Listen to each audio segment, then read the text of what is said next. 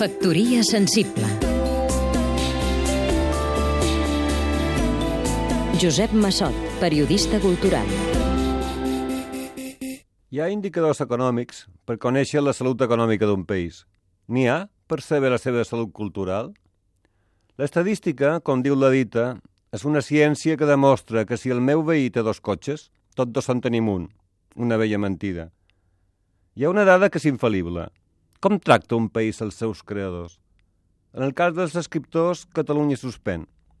El veí de la bombolla de prosperitat, la seva situació torna a ser miserable. L'autor d'un llibre, amb prou feines, es porta el 10% del que el lector paga per ell. Si un escriptor de renom que escriu en castellà, és a dir, que té un potencial de lector milionari, amb prou feines li paguen entre 3 i 5.000 euros per llibre, Imaginin el que es pot cobrar un escriptor català per un any o dos de treball. Ni el salari mínim, i en la crisi editorial la situació llisca cap a l'abisme. Tots, inclosos els de grans èxits, han de recórrer a altres oficis, sobretot les col·laboracions periodístiques. Però tampoc això dona per molt, i sovint t'obliga a posar-s'hi al servei dels poders polítics que els acullen a costa de perdre la seva llibertat. En altres països no es deixa l'escriptor en mans del mercat, ni se li converteix en, en intel·lectual al seu servei.